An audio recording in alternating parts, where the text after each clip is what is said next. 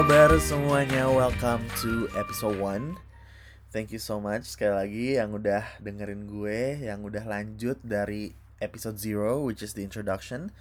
Um, Sekarang lanjut ke episode 1 dong. Gila ya gak nyangka gue bisa Akhirnya memulai podcast ini gitu. Nah untuk memulai podcast ini gue rasa Gue mau ceritain panjang lebarnya tentang kok akhirnya gue bisa tinggal di luar negeri, specifically di Tokyo, Jepang ya sekarang kayak gitu. Um, gue bakalan cerita dari awal banget ya ini bener-bener literally dari jauh banget. Buat yang nggak mau dengerin, kalian bisa stop dan quit dan mungkin dengerin podcast yang lain gak apa-apa. Um, tapi kayak mungkin gue mau disclaimer ini bakal agak panjang sedikit karena gue bener-bener pengen cerita aja dari awal kayak gimana gitu ya um, pokoknya ini way before kayak sebelum sebelum kayak gue apply atau apa gue bener-bener kayak dari awal dari gue kecil. Um, dari gue kecil sendiri sebenarnya memang gimana ya keluarga gue itu memang bisa dibilang internasionalis kali ya gitu. Maksudnya ya kita nasionalis juga gitu. Tapi maksudnya kayak bokap nyokap gue tuh dari kecil um, maksudnya sudah mengekspos gue dengan um, American TV shows gitu. Terus juga maksudnya entertainmentnya juga um, musik luar negeri kayak gitu. Jadi memang dari kecil udah terbiasa um, dengerin hal-hal yang kayak gitu gitu loh. Um, tontonan juga dari kecil maksudnya kayak Disney gitu-gitu. Bukannya gue so tajir atau gimana ya tapi memang maksudnya dia itu yang di provide sama bokap gue gitu. Kayak CD, apa VCD zaman dulu ya. Um, ya pokoknya tonton tontonannya tontonan seperti itu kayak gitu. Jadi memang dari kecil tuh kayak bawaannya tuh udah aduh gue pengen deh tinggal di New York misalnya kayak gitu. Aduh gue pengen deh tinggal di mana gitu. Pokoknya di luar negeri gitu kan. Nah tapi sebenarnya kayak untuk mempunyai tekad gue pengen keluar negeri yang bener-bener ya itu kan masih kecil kan cuma mimpi-mimpi belaka ya. Yang bener-bener tekad I wanna go abroad gitu tuh sebenarnya justru pas gue SMA gitu. Dan anehnya tuh SMP tuh nggak kepikiran sama sekali. Um, alasannya pertama adalah uh, pas gue SD um, itu kepikirannya hanya pengen uh, berjuang untuk masuk SMP negeri pada saat itu gitu kan. Ngikutin um, ya tren teman-teman yang uh, sama-sama berjuang pengen masuk negeri gitu. Itu dari SD pikirannya udah mau masuk negeri. Um, nyatanya dari SD pun gue nggak bisa dapat negeri karena nem gue nggak cukup untuk masuk SMP negeri gitu. Uh, dan pada saat itu sebenarnya gue nggak sekecewa itu gitu ya. Dan maksudnya ya udah yang penting gue lanjut SMP gitu. Bukan berarti gue kayak udah lulus SD terus gue nggak dapet negeri terus gue nggak nggak sekolah. Itu bukan gue banget gitu kan. Akhirnya gue masuk lah di SMP swasta gitu loh. Nah di SMP swasta ini juga sebenarnya maksudnya um, keinginan untuk kayak go abroad atau maksudnya ya gimana sih ada keinginan seperti itu tuh sebenarnya masih ada gitu loh. Tapi nggak tahu ya lagi-lagi um, kayaknya masuk sekolah negeri tuh untuk maksudnya gue gue asal dari Depok ya Depok Jawa Barat. Zaman dulu tuh maksudnya prestisnya lo bisa masuk negeri tuh kayaknya lu tuh hebat banget lu tuh pintar banget kayak gitu gitu jadi kayak aiming gue tuh nggak tahu kenapa masih pengen masuk sekolah negeri gitu. Padahal kayak nggak tahu ya. Terus ya udahlah ya uh, long story short gue dari SMP swasta uh, masuk ke SMA negeri lolos lah akhirnya karena name gue waktu itu lumayan tinggi gitu loh. Dan sebenarnya juga alasan gue salah satunya kenapa sih dari SMP kok masih kekeh pengen nyoba negeri gitu pas SMA-nya karena memang kalau pas SMP sih ini gue bukan ngejelek-jelekin sekolah gue ya pas SMP ya cuma memang gue ngerasanya pas gue di SMP itu kayak gue bener-bener di kelonin gitu loh kayak gurunya tuh nge ngejadiin gue sebagai kayak bayi gitu disuapin terus. Jadi kayak nggak ada mandirinya kalau menurut gue gitu. Um, lagi-lagi nih gue nggak jelek-jelekin sekolah gue ya. Mungkin sekarang juga kondisinya udah beda gue nggak tahu. Cuma memang itu yang gue rasain gitu. Dan apa ya omongan dari teman-teman gue yang sekolahnya di sekolah negeri itu bener, kayak mereka tuh struggle banget belajar tuh bener-bener sendiri. Um, maksudnya ya bener-bener berjuang aja gitu loh. Dan apa sih dari segi competitivenessnya juga gitu kalau anak-anak yang sekolah di negeri itu mereka somehow punya tingkat competitiveness yang lebih tinggi gitu. Dan pada saat itu ya gue SMP udah sok tahu banget kayak pengen anjir gue pengen ngerasain apa sih kayak competitivenessnya gitu loh sekolah gitu gimana sih? Gitu loh. Padahal itu gue pikiran-pikiran hayalan-hayalan anak sok pinternya padahal gue goblok kalau boleh jujur. Terus ya udahlah akhirnya kan lulus tuh terus gue daftar negeri alhamdulillah dapat negeri gitu kan. Um, terus memang akhirnya gue masuklah ke SMA Negeri 3 Depok. Ini gue sebutin aja ya. Salah satu apa ya gue nggak tahu deh bener-bener. Jujur gue selama tiga tahun di SMA Negeri 3 Depok itu bener-bener kayak gue seneng banget. It's the best time of my life. Itu bener-bener literally itu bener-bener the best time of my life. Bener kayak orang-orang bilang kayak yang high school never ends tuh bener-bener gitu. Karena bener-bener gimana ya maksudnya ya gue adalah masalah misalnya kayak di keluarga ataupun di mana gitu.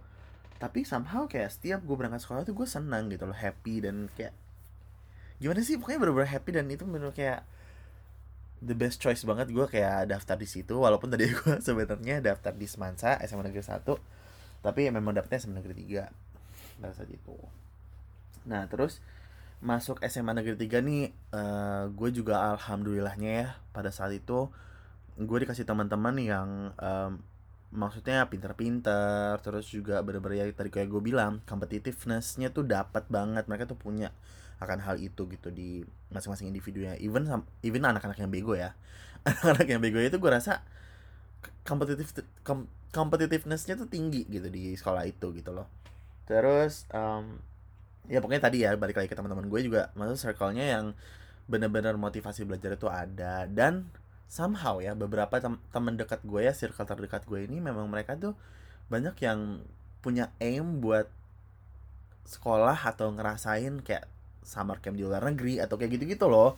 Jadi tekad ini makin kuat pas di SMA jadi bener-bener kayak bukan cuma mimpi-mimpi Highland Babu gitu loh tapi bener-bener kayak gue mau merealisasikan ini gitu loh mimpi gue gitu kan. Dan pada saat gue bersekolah di SMA Negeri 3, Negeri 3 Depok ada beberapa um, opportunities untuk kayak summer camp atau ngerasain tinggal di luar negeri sekolah di luar negeri itu ada beberapa programnya nih. Ini mungkin uh, buat teman-teman gue yang dengerin pasti bakalan apa ya kayak um, aduh kangen banget terus kayak ngebayangin dan mencoba inget-inget lagi nih dulu pernah nyoba-nyoba program-program ini gitu ya. Satu program yang gue inget banget itu adalah um, AFS Intercultural Programs. Itu AFS AFS itu adalah American Field Service. Um, itu gue gak ngerti gimana ya awalnya. Pokoknya seingat gue sih gara-gara kayak kakak kelas gue pernah ada yang ikutan AFS ini. Salah satu senior gue cuma dia itu kayaknya nggak uh, jadi somehow gitu. Nah terus itu udah jadi berita di mana-mana gitu di sekolah. Lebay. Nggak nggak nggak. Nggak sekolah sumpah. Tapi memang di circle teman-teman gue tadi itu kayak kita tahu kalau ada salah satu senior kita tuh yang nggak jadi AFS gitu. Dan memang pada saat itu sih AFS lumayan terkenal ya di di apa namanya? Di circle anak-anak SMA pada saat itu gitu. Nah si AFS ini sendiri programnya memang sebenarnya nggak cuma ke Amerika doang walaupun namanya American Field Service ya. Jadi program itu ada di mana-mana ada di, ada di Eropa, ada di Asia Timur juga kayak Jepang, Korea gitu mereka juga buka. Um, ini mereka sistemnya kayak uh, ada yang macam-macam. Ada yang satu tahun sekolah uh, di US Europe atau tadi Asia Asia Timur yang tadi gue bilang. Terus um, ada juga yang uh, kayak short term semacam summer summer camp gitu loh. Nah pokoknya mereka programnya banyak banget cuma waktu itu yang gue apply itu yang buat satu tahun di US gitu.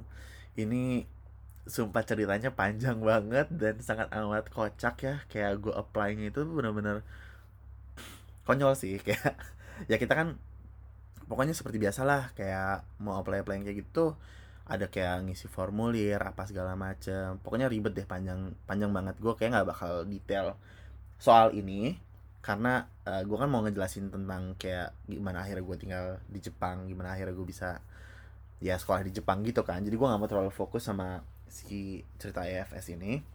Pokoknya pada intinya itu ribet banget. Eh, kayak gue mesti ke Bogor untuk ngambil formulirnya terus juga tesnya pun di Bogor. Karena waktu itu kalau nggak salah Depok itu masuknya chapter Bogor gitu. Jadi orang-orang yang sekolah di Depok mau nggak mau lo kayak ujiannya itu mesti ke Bogor kayak gitu gitu nah sedih banget yang EFS ini. Um, gue uh, untuk penyisihan pertama aja tuh gue nggak lolos. Jadi kayak Hah, ya udah nih gitu. dan untungnya nggak tahu bukan untungnya sih kayak beberapa temen gue yang lainnya juga nggak lolos. Jadi ada satu temen gue yang sudah sampai tahap kesekian yang udah hampir terakhir terakhir gitu tuh ada gitu. Cuma beberapa temen gue yang lainnya memang kita nggak lolos dari tahap pertama gitu lanjut selain IFS ini sebenarnya banyak juga program lainnya cuma ada satu yang spesifik banget gue inget namanya adalah Indonesia US Youth Leadership Program atau IYLP. Nah kalau si program yang ini IYLP ini dia datang ke sekolah gua. Jadi kayak kayaknya orang panitianya gitu datang ke sekolah buat kayak ngasih tahu nih ada apa namanya ada hmm, ya ada program gini kalian mau nggak uh, untuk ikutan kayak gitu gitu ini gue lupa ya detail apa namanya detail um, detail program itu seperti apa. Tapi kalau nggak salah sih ya nggak nyampe setahun gitu. Jadi kayaknya emang bener-bener kayak short term um, apa ya semacam summer summer summer. Semacam summer camp atau ya pokoknya short term education gitu loh.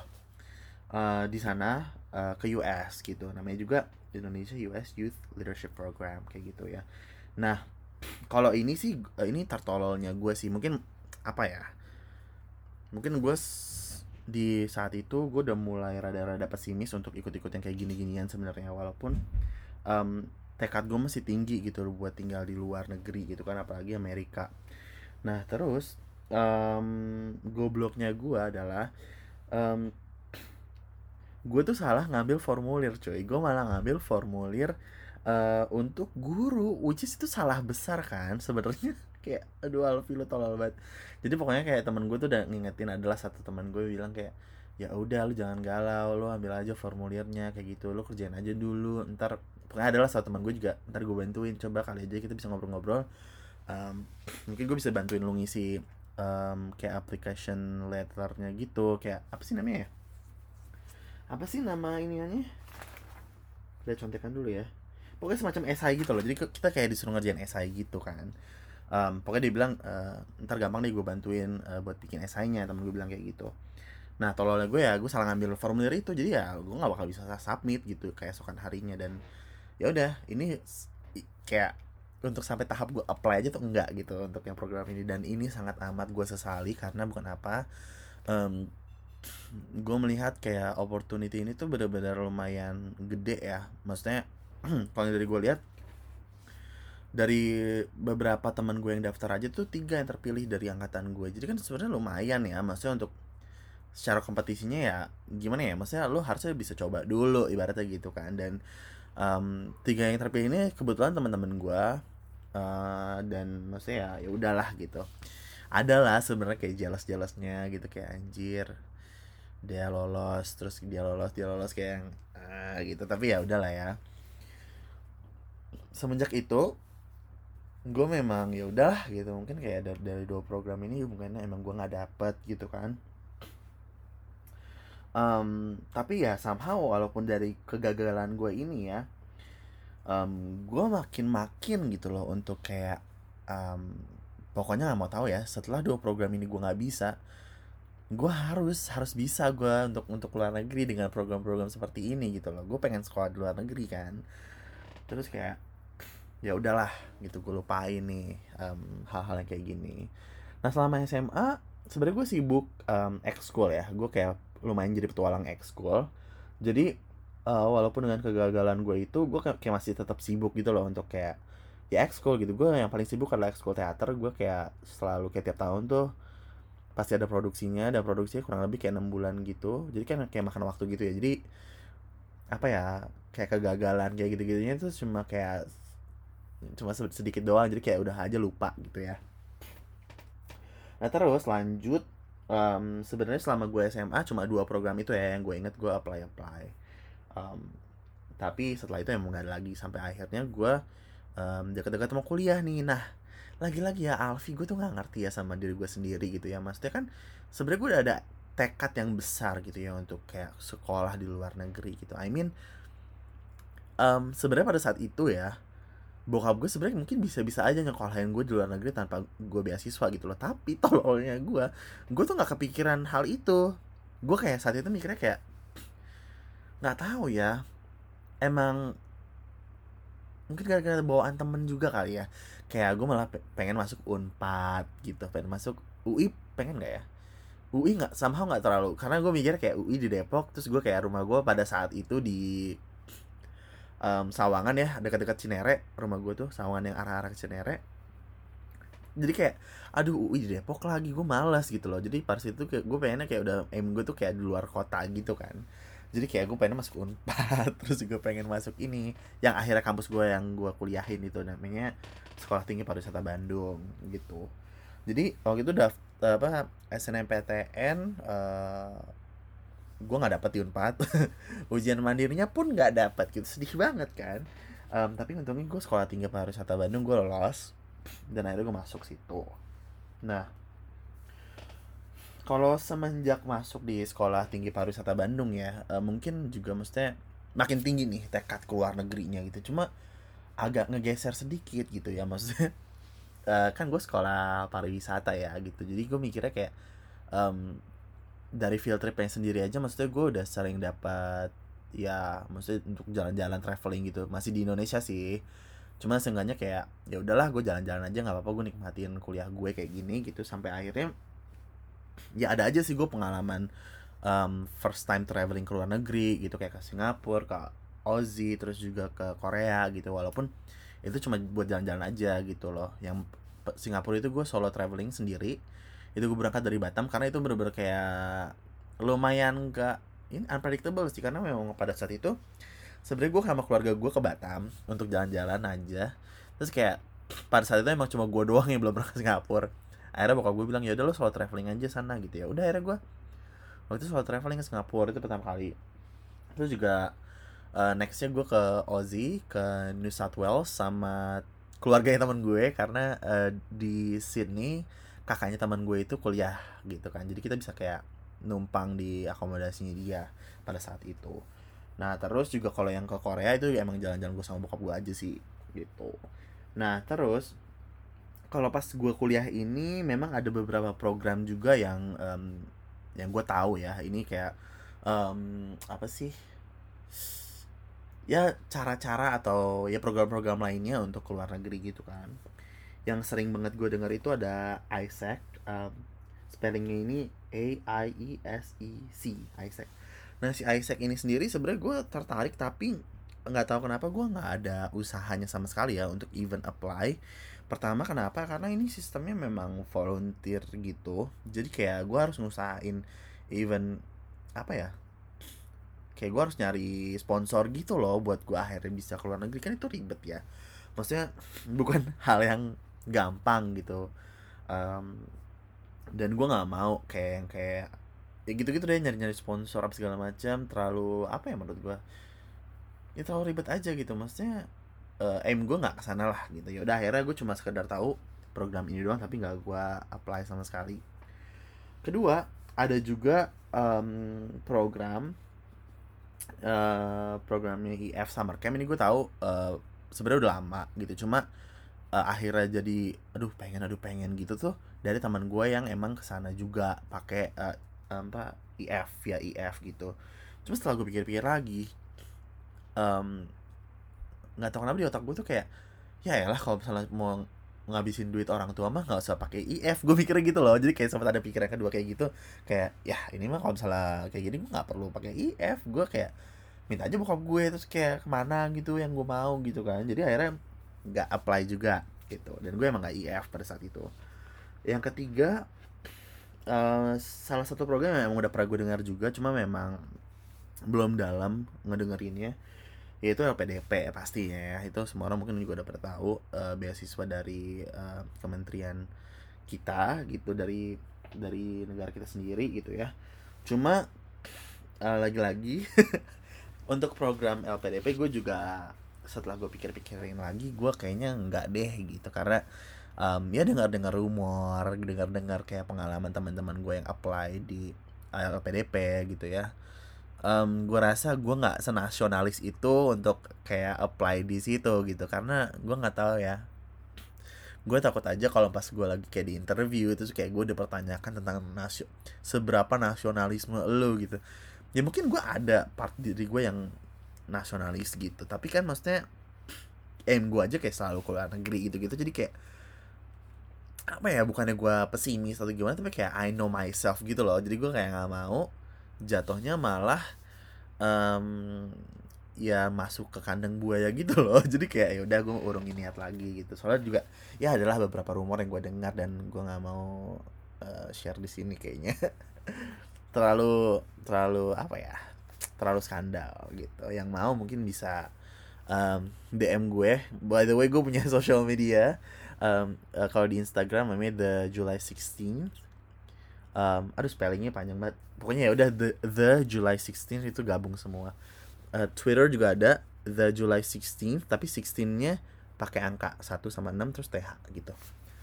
Kalau yang Instagram nggak pakai angka, semuanya huruf the July 16. Nah, kalau yang mau tahu skandalnya atau rumor-rumor yang pernah gue denger, ya bisa nge DM gue kali ya, gitu kita ngomongin di situ gitu karena kayaknya kalau ngomongin di podcast gue gue ngeri, eh ngeri dituntut gitu. Udah tiga program ya gitu, tapi tiga-tiganya nggak gue apply juga. Sampai akhirnya gue mengenal yang namanya working holiday visa gitu. Ini dari teman gue um, yang emang tahu soal gini-ginian gitu ya. Dia anak traveler juga. Um, semenjak pokoknya semenjak gue kuliah di sekolah tinggi pariwisata Bandung ya atau NHI terkenalnya um, gue jadi sering ya pokoknya kayak um, ketemu banyak traveler gitu loh. Terus kayak gue join travel community kalau kalian tahu namanya couch couch surfing inc. Um, itu ada di um, kayak online community gitu buat traveler. Nah gue jadi sering ketemu juga beberapa traveler dari komunitas itu gitu. Nah beberapa komunitas ini emang share ke gue soal uh, working holiday visa gitu ke Australia gitu. Nah ini kondisinya setelah gue udah balik uh, semenjak gue udah pernah traveling ke Australia jadi kayak waduh gue pengen balik lagi gitu kan pakai program ini gitu. Nah tapi working holiday visa ini uh, programnya sangat amat ribet. Kedua lu tuh mesti punya modal gitu. Karena ini bukan bukan sekolah ya lu working and holiday gitu. Lu working and traveling gitu di sana. Jadi kayak lu mesti punya modal dulu dari sini ibaratnya gitu kan modal ya pertama lo harus mempercantik uh, rekening koran ya pasti kan kalau mau keluar negeri ya. Kita kan kalau apply visa um, apa turis ataupun uh, working holiday visa kan pasti maksudnya rekening koran lo mesti ya indah lah dipandang gitu. Jangan kayak kosong. Terus kayak mungkin kayak udah kayak nol rupiah tuh lama gitu. Kayak jangan gitu ya. Jadi emang harus indah Nah kebetulan memang pada saat ini kan uh, gue tahu program ini tuh sebenarnya udah kayak mau ending ending gue selesai kuliah gitu loh. Jadi memang pada saat itu perekonomian keluarga gue lagi nggak bagus gitu dan um, gue nggak mau banyak apa ya nggak mau banyak nuntut gitu untuk kayak gue maksain gue harus uh, working holiday visa gitu kan um, anyway ya udah terus kayak karena gue juga cuma punya keinginan tekad tuh nggak ada karena mikir tadi ya itu tadi ya ekonomi keluarga gue lagi nggak oke. Akhirnya ya lulus kerja pun uh, gue kerja gitu dan kerjanya pun serabutan bukan passion gue. Terus juga uh, ya ketemu juga keluarga lagi karena emang kayak kakak gue adik gue kerja di situ. Dan apa ya status gue juga kayak yang nggak jelas gitu yang gue kerjain pokoknya serabutan aja gitu. Apa yang mesti gue kerjain gue kerjain gitu. Nah uh, itu udah sampai lama banget gue kayak hampir mungkin setahun kali ya. Sekitar setahunan gue kerja kayak gitu serabutan nggak jelas. Um, dan sebenarnya kayak di dalam hati gue kayak masih aduh gue pengen working holiday ke Australia gitu loh. Dan kayak gue udah beberapa kali juga ngomong ke bokap pak jadi bisa bantuin gak ya? Gitu so kayak karena gue juga ada bingung gitu loh guys. Kayak apa namanya gue mesti nyari duit ke mana buat working holiday gitu kan. Tapi kayak uh, bokap gue kayak nahan-nahan gitu. Dan kayak dia cenderung gak ikhlas somehow ya gue gak ngerti kenapa. Kayak udahlah lu kalau mau kerja mah kerja aja nih sama gue gitu. Um, daripada kayak lu mikirin uh, kerja di luar yang gak jelas gini gini, gini. dan dia kayak pokoknya nggak tahu deh somehow. Dia kayak nggak ngeridoin gue buat ke Australia lagi somehow. Gue nggak ngerti kenapa ya udah gitu kan akhirnya gue jalanin aja tuh hidup gue setahun gak jelas. Sampai akhirnya mungkin bokap gue udah empat banget ngeliatin gue kali ya kayak ini anak setiap ketemu di rumah kok kayaknya mukanya cemberut gitu kali gue nggak ngerti juga ya. Sampai pada akhirnya gue kayak waktu itu dia nge WA atau apa ya atau SMS kalau nggak salah sih WA ya dia nge WhatsApp gue gitu nge text gue dia uh, dia ngirim satu broadcastan dari koleganya gitu tentang um, salah satu beasiswa ke Jepang gitu. Nah ya udah kan. Terus kayak setelah kayak dia ngirim teks broadcastannya itu dia bilang gini apa? Nih bang cobain gitu. Kali aja kamu bisa lolos gitu. Uh, dia bilang juga apa namanya ada seminarnya itu kamu datang aja gitu. Jadi memang di broadcastan itu dijelasin um, apa keterangan tentang oh, ini nih ada beasiswa ke Jepang dan akan dilaksanakan seminarnya itu di uh, kalau nggak salah ya itu seingat gue di Jaso JASSO Indonesian Office. Itu JASO itu adalah Japan Student Services Organization gitu. Nah seminarnya ada di sana. Um, si kantor JASO sendiri ini posisinya ada di Summit Mas itu depan um, FX FX Senayan ya kalau nggak salah. Itu pokoknya seberangnya FX Senayan gitu. Nah ya udahlah akhirnya karena udah di broadcastin kayak gitu gue bilang ke bokap gue ya udah pak ini ini boy apa namanya boy gue dipanggil boy ngomong-ngomong di keluarga. Ini ini boy jalanin uh, boy coba datang ke seminarnya. Uh, ya udah ntar boy kabarin lagi kalau misalnya udah pulang dari seminar gue bilang gitu kan. Nah pokoknya ya udah pada hari itu datang tanggal itu seminar gue datang um, ya udah gitu. Maksudnya uh, ya gue datang duduk gitu. Juga di sana juga dijelasin um, beasiswanya apa aja kayak gitu-gitu. Dan memang yang gue tertarik itu ya dari beasiswa ini namanya Toyo Top Global Scholarship A gitu kan.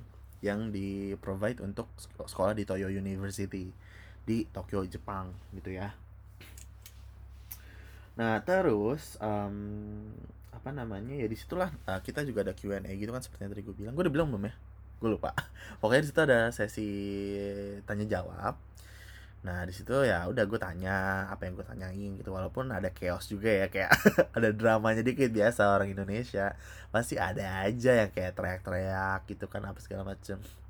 Walaupun kalau dipikir-pikir agak-agak malu-maluin ya Wak gitu. Kayak maksudnya kita nih lagi oh itu sistemnya kayak Skype gitu guys. Jadi kayak kita tatap muka sama um, orang Jepangnya gitu dia ngejelas yang ngejelasin sebenarnya orang Indo karena di situ ada kayak ada translatornya gitu gue lupa. Kalau nggak salah namanya Mbak, Mbak Anissa deh.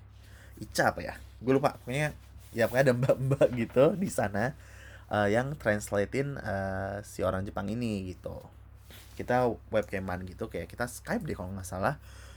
Nah terus memang pas sesi tanya jawab gitu memang di barisan gue banyak yang nanya gitu nanya-nanya pertanyaan terlalu banyak gitu mungkin ya gitu. Tapi kan maksud gue sebenarnya mungkin salah di pihak moderator juga kali ya. Moderator nggak ngasih mic-nya dengan adil uh, jadi memang ada lah terjadi satu chaos itu gitu. Cuman kalau gue pikir-pikir ya agak sedikit malu-maluin sih.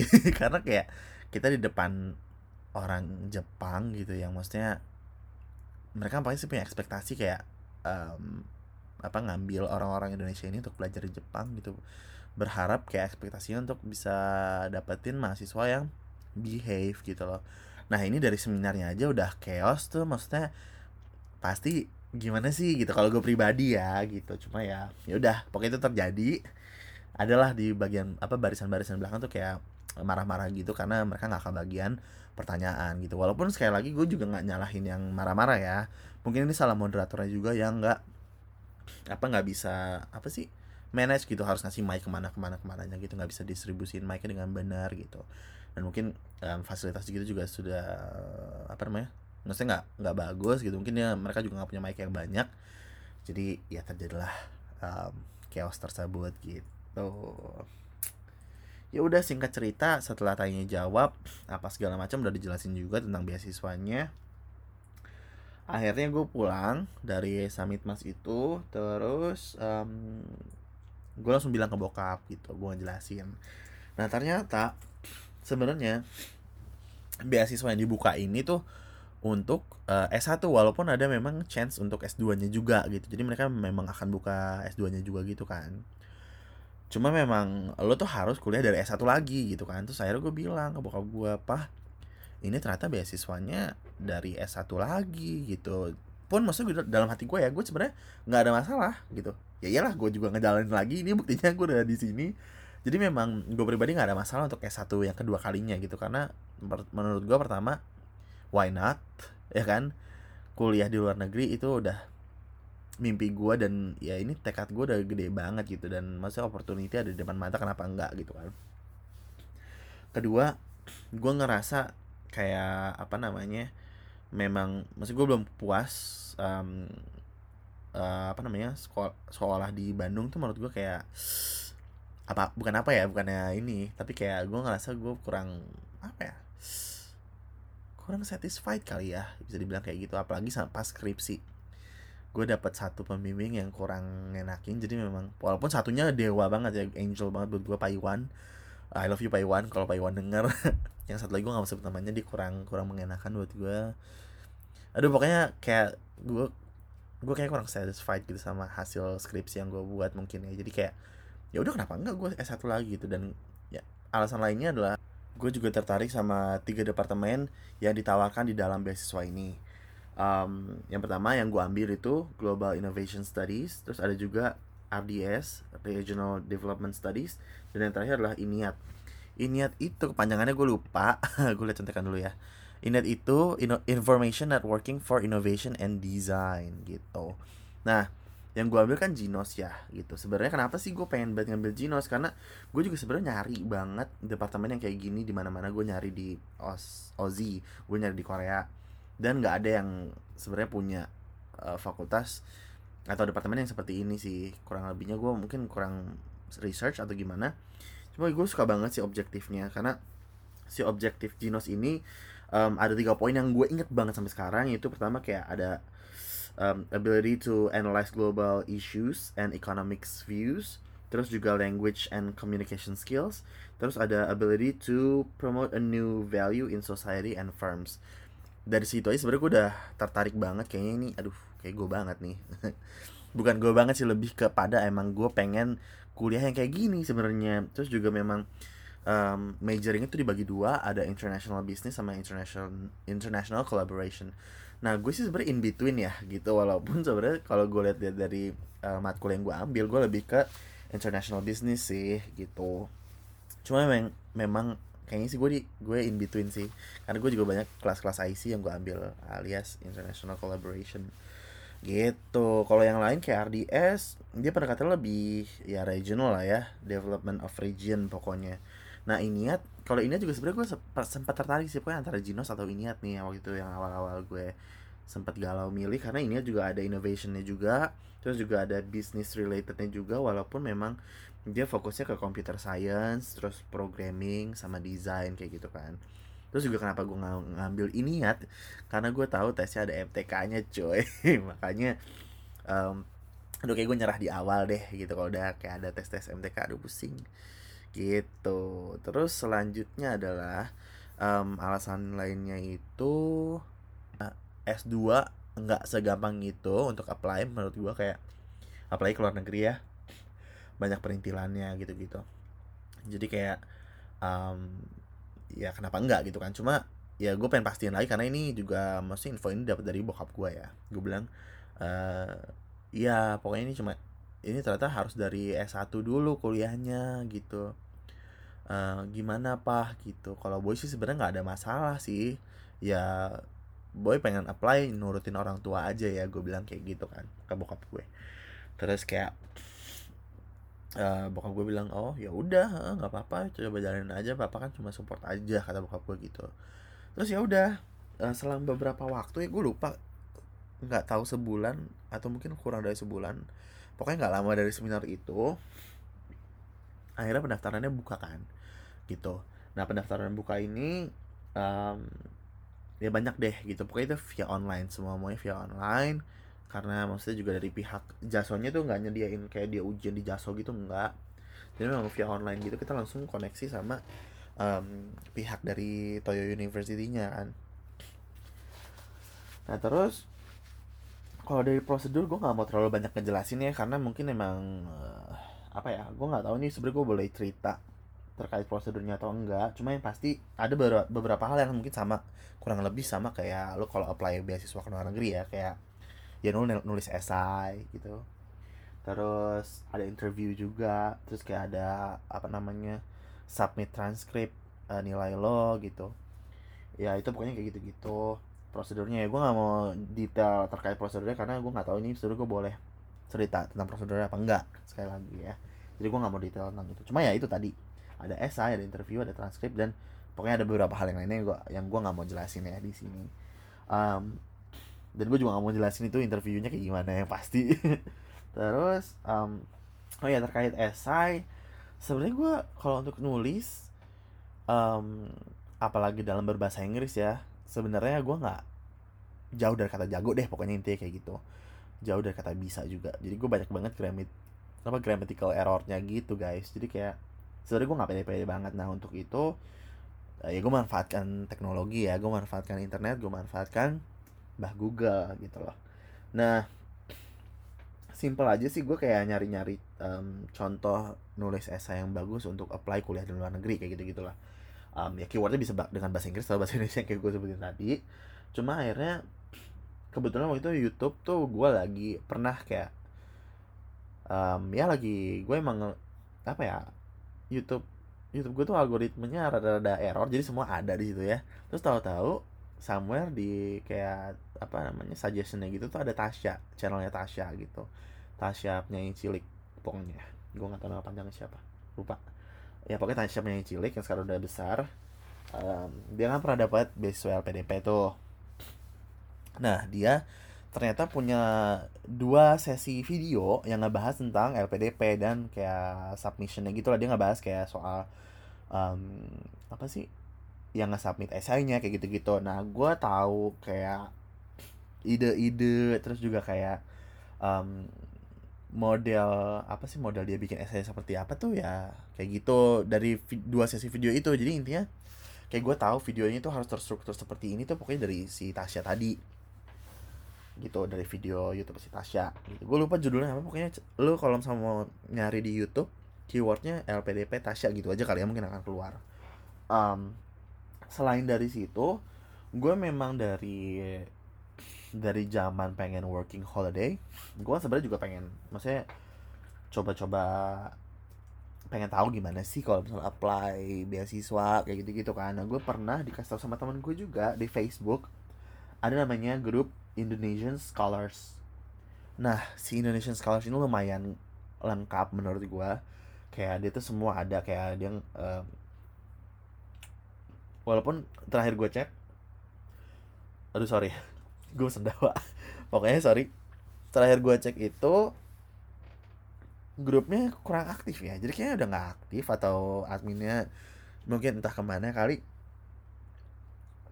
Cuma yang gue ingat pada saat itu memang banyak banget infonya dari situ. Kayak nulis esai kayak gimana. Terus kayak contoh-contoh um, apa sih namanya uh, recommendation letter gitu dari dosen. Jadi jadi kan maksudnya kita juga butuh ya rekomendasi letter gitu.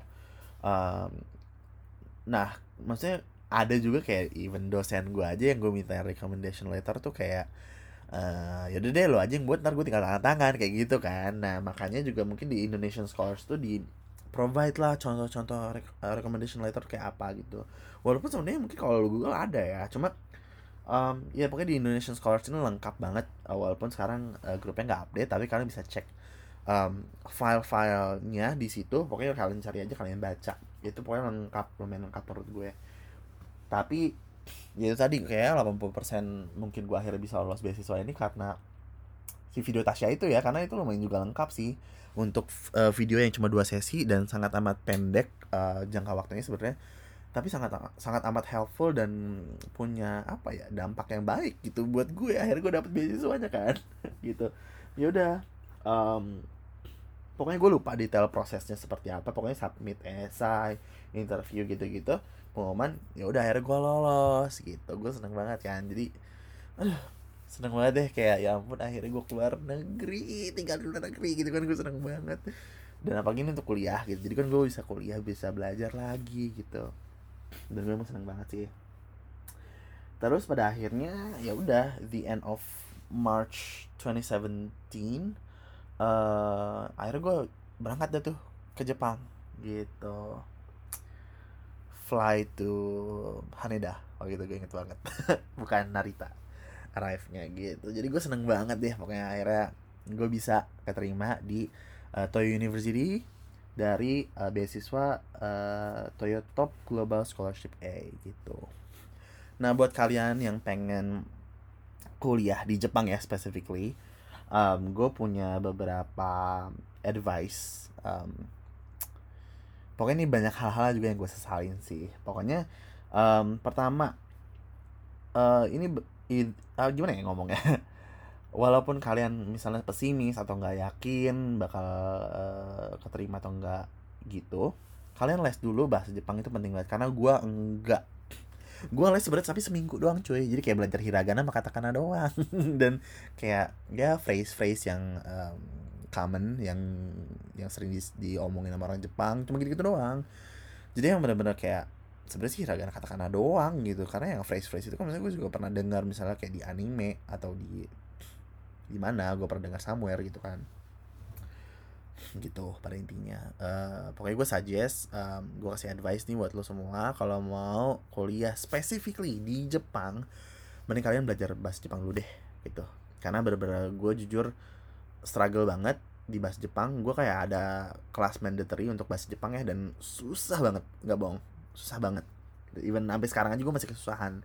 Jadi uh, ya buat kalian um, yang pengen kuliah di Jepang gitu. Belajarlah bahasa Jepang dulu ya guys gitu. Mungkin ini bakal detail yang kayak gini-gini gue bakal ceritain nanti ya. Um, kayak struggle struggle tinggal di Jepang. Cuma ya itu pokoknya ini kan masih terkait beasiswa ini ya. Pokoknya belajar bahasa Jepang yang bener gitu loh. Um, kenapa gue ngomong gitu? Karena si beasiswa gue ini sebenarnya Toyota Global Scholarship A ini sebenarnya fully taught in English gitu. Jadi semua kelas gue tuh dalam bahasa Inggris gitu loh. Cuma memang kan gue nggak tahu ya kalau misalnya gue bakalan bakalan um, dapat kelas bahasa Jepang juga gitu loh coy. Dan kelas Jepang bahasa Jepang itu nggak main-main. Jadi kayak emang bener-bener nggak tahu ya ekspektasi dosen-dosen di sini kayak tinggi banget gitu. Jadi jujur sulit jujur gue kesulitan banget struggle banget. Itu tadi makanya gue nggak habis-habis untuk ngasih tau kalian belajar bahasa Jepang dulu sebelum kalian ke sini kayak gitu. Dan untuk um, yang specifically pengen um, ngambil beasiswa di kampus yang sama kayak gue uh, ya buka aja websitenya. Itu di aduh gue lupa nama beasiswa. Eh nama beasiswa. Nama website kampus gue sendiri. Bentar ya gue google. Maksudnya biar kalian tahu. Um, bentar ya. Ini website Toyo itu di www.toyo.ac.jp nah um, itu kalau kalian buka um, itu sih homepage-nya biasanya sih udah ada kayak um, ini ya kayak ya for student, for prospective students kayak gitu-gitu. Dibuka aja. Itu websitenya bisa pakai bahasa Inggris. Jadi um, kalian nggak bakalan apa namanya nggak bakal kesulitan. Dan semua informasi beasiswa ada di situ sebenarnya. Jadi kayak sebenarnya gue nggak perlu ke, ke seminar itu ya karena di website itu udah ada. Nah cuma um, yang gue tahu ya ini kan sebenarnya beasiswanya kerjasama antara uh, ini bentar ya guys gue main mastiin lagi. Itu dari Max sebenarnya. Nah Max itu adalah Ministry of um, aduh gue lupa parah. Ministry of Education, Culture, Sports, Science, and Technology gitu Max. Nah ini sebenarnya program kerjasama Max pemerintah Indonesia sama Toyo University gitu nah sebenarnya program beasiswa yang kayak kampus gue punya sebenarnya udah dibuka di beberapa kampus lain kayak Waseda terus juga ada berapa beberapa universitas lain lah. Pokoknya gue lupa apa aja Sofia ya kalau nggak salah. Pokoknya ada beberapa beberapa di seluruh Jepang gitu. Jadi kalau kalian yang nggak pengen misalnya let's say aduh aku bukan anak Tokyo misalnya kayak gitu ya. Aduh aku sukanya pedesaan kayak Kyoto. Mungkin kalian pengen nyari beasiswa yang semi uh, yang similar kayak di kampus gue ini cuma mungkin di Kyoto atau gimana boleh banget itu dicari di websitenya Max. Di max.go.jp gitu gampang banget. Itu juga pakai bahasa Inggris ada. Jadi kalian nggak perlu ragu nggak perlu takut. Semuanya ada di situ. Gue nggak mungkin ngejelasin satu-satu kan beasiswanya dari kampus mana aja gitu. Pokoknya kalian bisa buka di situ. Semuanya serba alhamdulillah ya sebenarnya kita dipermudah banget.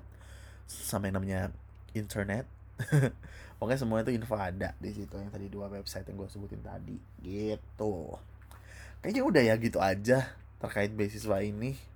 Panjang ya agak-agak panjang dan kebanyakan sebenarnya ngomongin mimpi ya dan tekad gue untuk tinggal dan uh, belajar di luar negeri kayak gitu. Dibanding ngomongin beasiswanya kayaknya. Karena um, itu tadi gue kayak gue nggak mau takutnya kalau gue terlalu detail tentang beasiswa gue ini uh, bisa jadi boomerang gitu buat gue loh. Karena gue sebenarnya belum tahu gue boleh apa nggak nge-share tentang beasiswa ini gitu. Makanya yang tadi gue bilang terkait beasiswa gue sendiri itu infonya ada di website kampus gue gitu atau di websitenya Max kayak gitu. Perlu gue ulangin lagi apa? Perlu. Masa sih? Kan tadi gue udah gue sebutin padahal gampang banget. Yaitu website uh, Toyo uh, kampus gue ya Toyo University uh, www.toyo.ac.jp nah kalau Max sendiri uh, max.go.jp nah Maxnya ini M E X T gitu. Itu dari singkatan dari Ministry of Education Culture Sports Science and Technology. Panjang ya Wak? Gitu. Udah deh kayaknya itu aja. Um, thanks banget udah dengerin bacotan gue. Ini hidung gue udah terlihat kok terlihat terdengar? Terdengar seperti kayak bindeng ya. Ini bukan bindeng guys. Gue emang punya penyakit sinusitis kebetulan jadi kayak boncos banget hidung pokoknya sekali lagi thanks banget udah nggak dengerin bacotan gue cuap-cuap gue. Cuap-cuap episode pertama akhirnya terjadi guys gitu. Jadi thanks banget udah dengerin uh, see you in the next episode. Bye bye